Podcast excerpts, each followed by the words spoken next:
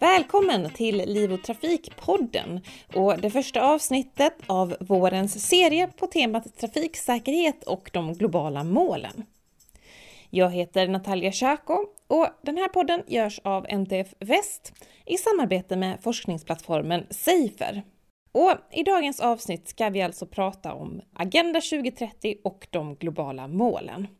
Det är de mest ambitiösa hållbarhetsmålen som FNs medlemsländer någonsin antagit och som bland annat innebär att vi ska ha utrotat extrem fattigdom och hittat en lösning på klimatfrågan till 2030. Och för att nå flera av de här 17 globala målen så spelar trafiksäkerhet en viktig roll. Och med oss idag har vi ordförande för FNs internationella expertgrupp på trafiksäkerhet och tillika nollvisionens fader, Claes Tingvall, som vi bett förklara vad de globala målen faktiskt innebär. Alltså de globala målen började ju redan till millennieskiftet. Eh, de kallades ju just millenniemålen och det handlar ju om att på global nivå då identifiera sådana här riktigt stora saker som alla stater skulle göra, alla stater kan vad ska jag säga, samarbeta om. Och det handlade ju om fattigdom, det handlar naturligtvis om miljö. Man insåg ju att ja, men det är väl väldigt bra att vi kommer överens på liksom global eller FN-nivå. Och därför skapades då det som då i Sverige kallas för Agenda 2030. Och det är ju då de nya, eller Strategic Development Goals som då kom 2015. Och då mm. kom trafiksäkerhet med för första gången då. Och på vilket sätt relaterar då trafiksäkerhet eh, till de här globala målen? Alltså de globala målen handlar ju om, det handlar ju om hälsa, klimat och rättvisa. Det är liksom ledorden. Sen finns det mycket annat under där. Eh, och trafiksäkerhet är nu, och det har vi väl alltid varit, en del av det här med hållbarhet och hälsa naturligtvis. Men nu blev det liksom, det blir liksom jättetydligt. Eh, det finns ett eget mål om man kallar det så. Va?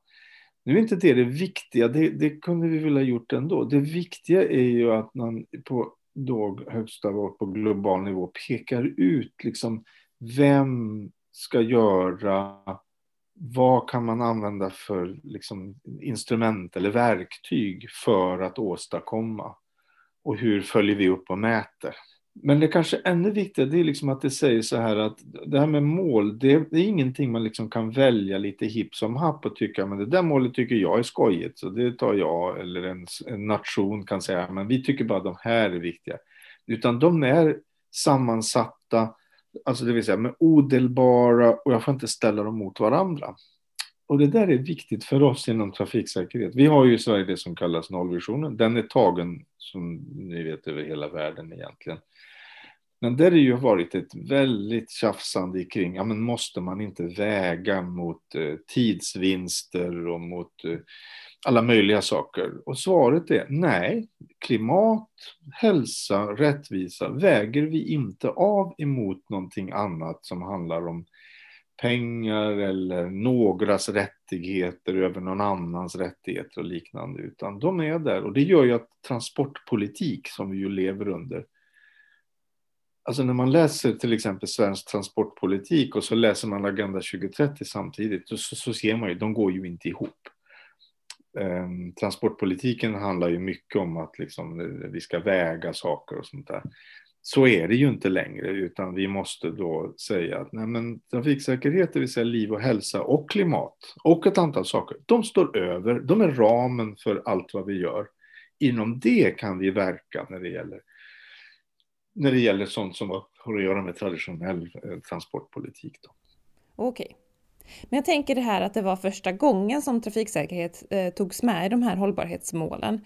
Hur kommer det sig att det skedde nu? Ja, men det är naturligtvis väldigt många väldigt duktiga, väldigt diplomatiska människor och grupperingar som har liksom fått världssamfundet att inse att ja, men herregud, vi, vi som jobbar med trafiksäkerhet, vi representerar ett folkhälsoproblem som är gigantiskt. Det är bara att vi har ju, vi har ju under hundra års tid gjort det till en fråga om oss som individer. Det vill säga de dumma, ansvarslösa rent allmänt dåliga människorna har ju råkat illa ut och nu ska vi tala om för dem hur de ska göra. Det, är inte, det har inte setts på samma sätt som ett samhällsproblem annat än att det kostar oss goda människor mycket. Vi har ju kommit längre, gudskelov, även om jag tycker inte vi är framme alla dagar på året. Va? Men nu är ju det här med liksom, det blir betraktat, nej men det är ett samhällsproblem. Det uppstår därför att vi som samhällen inte lyckas organisera oss och göra saker så som de borde vara. Men det dör 40, över 40 000 barn i åldern under fem år varje år.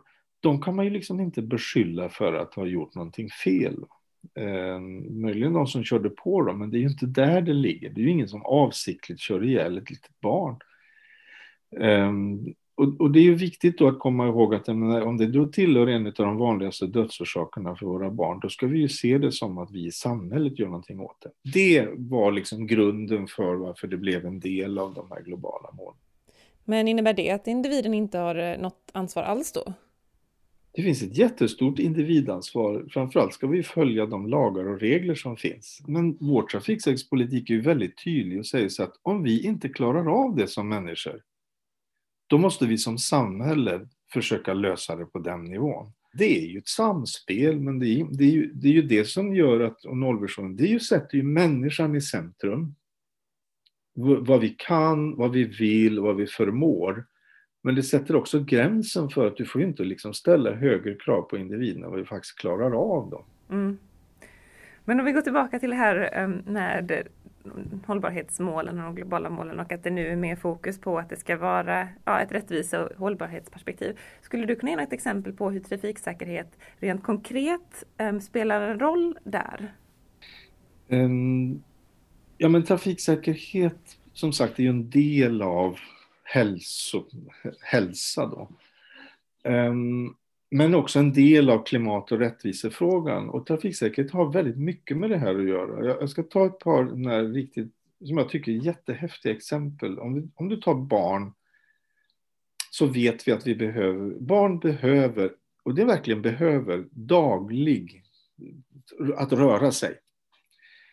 Ehm, för sin fysiska utveckling, för sin långtida hälsa om vi då har skapat ett samhälle där barn inte kan röra sig, de kan inte gå till skolan, de kan inte cykla till skolan eller till kompisar eller till aktiviteter förrän de har kommit upp i en ganska rejäl ålder.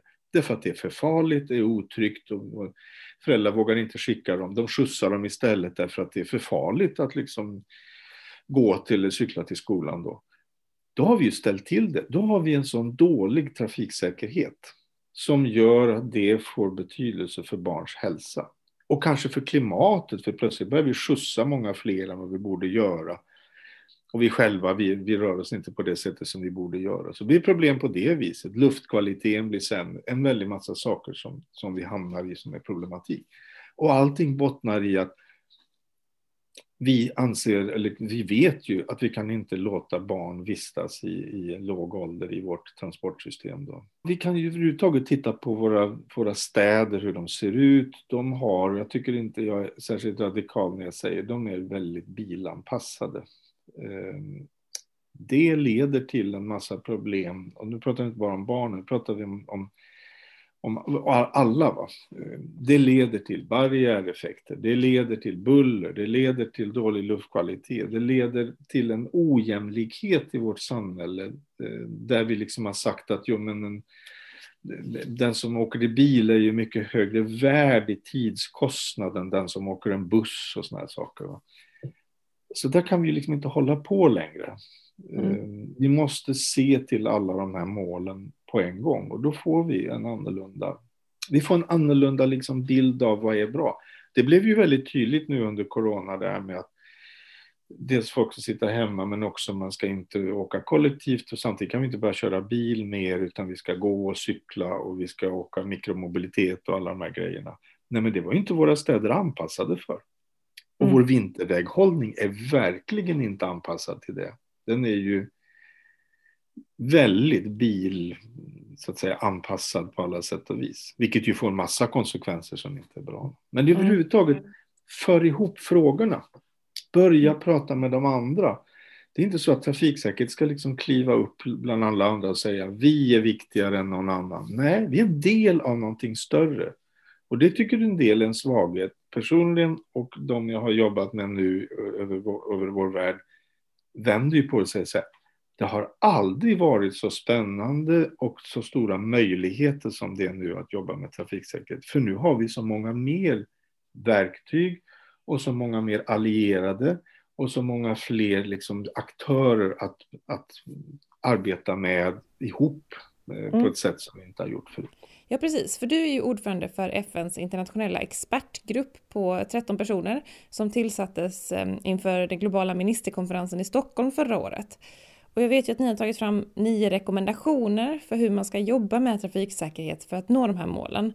Eh, vad skulle du säga är de viktigaste åtgärderna som är, som är mest akuta? De mest så att säga som kommer att ge, som kommer att ge mest nu då? Att försöka komma med i upphandlingsprocesser. Jag ska ta ett exempel att en, en, eh, en kommun köper upp sopbilarna eller vad man nu kan tänkas göra eller, eller är med när det gäller bussar och så vidare. Va? Upphandlingar styr ju så enormt mycket transporter i vårt samhälle. Eh, alltså, du kan inte underskatta det. Att väldigt snabbt se till så att och att agera ut efter att det är så att säga den som gör tjänsten som ska se till att det går till på rätt sätt. Vilken revolution det skulle vara. Eh, att vi ska ha 30 i våra tätorter eller i de miljöer där vi möter varandra, det sägs explicit, det har tagits upp av så många länder, det kan vi göra direkt. Hastighet är den faktorn som nog integrerar flest av alla de här sakerna som har att göra med hälsa, klimat och rättvisa att göra. Eh, den är verkligen det som ligger i mitten. Nu ska vi bara se till så att det blir gjort och att det följs. Eh, och vi har verktygen. Agenda 2030 gav oss verktygen. Men det är ju också, det ställer ju krav på en hel del aktörer, eh, även om vi har verk, verktygen. Hur, hur stort motstånd upplever du att det finns ute i världen? Men det är ju inga orimliga krav. Alltså det är, det är verkligen inga orimliga krav. Om staten gör en upphandling, om staden gör en upphandling, om det stora företaget bestämmer sig för någonting. Där börjar det. Om den stora viktiga aktören säger att jo, men vi tycker det här, vi, vi ansluter oss till Agenda 2030. Och det har ju svenska regeringen gjort. Mm. Då är man banne mig tvungen att göra det också. Annars så har man ställt till det nämligen. För den dagen du säger någonting och så gör du något annat, det ser alla. Det, det går ju inte ihop. Va? Men det här, de här målen gäller ju globalt sett. Det är ju alla FNs medlemsländer som har gått med på det. Kommer det här funka på en global nivå? Kommer vi nå de här målen överallt? Jag tror att om, det, om vi är professionella och vi som jobbar med de här frågorna är verkligen så där superprofessionella, att vi förstår hur saker hänger ihop.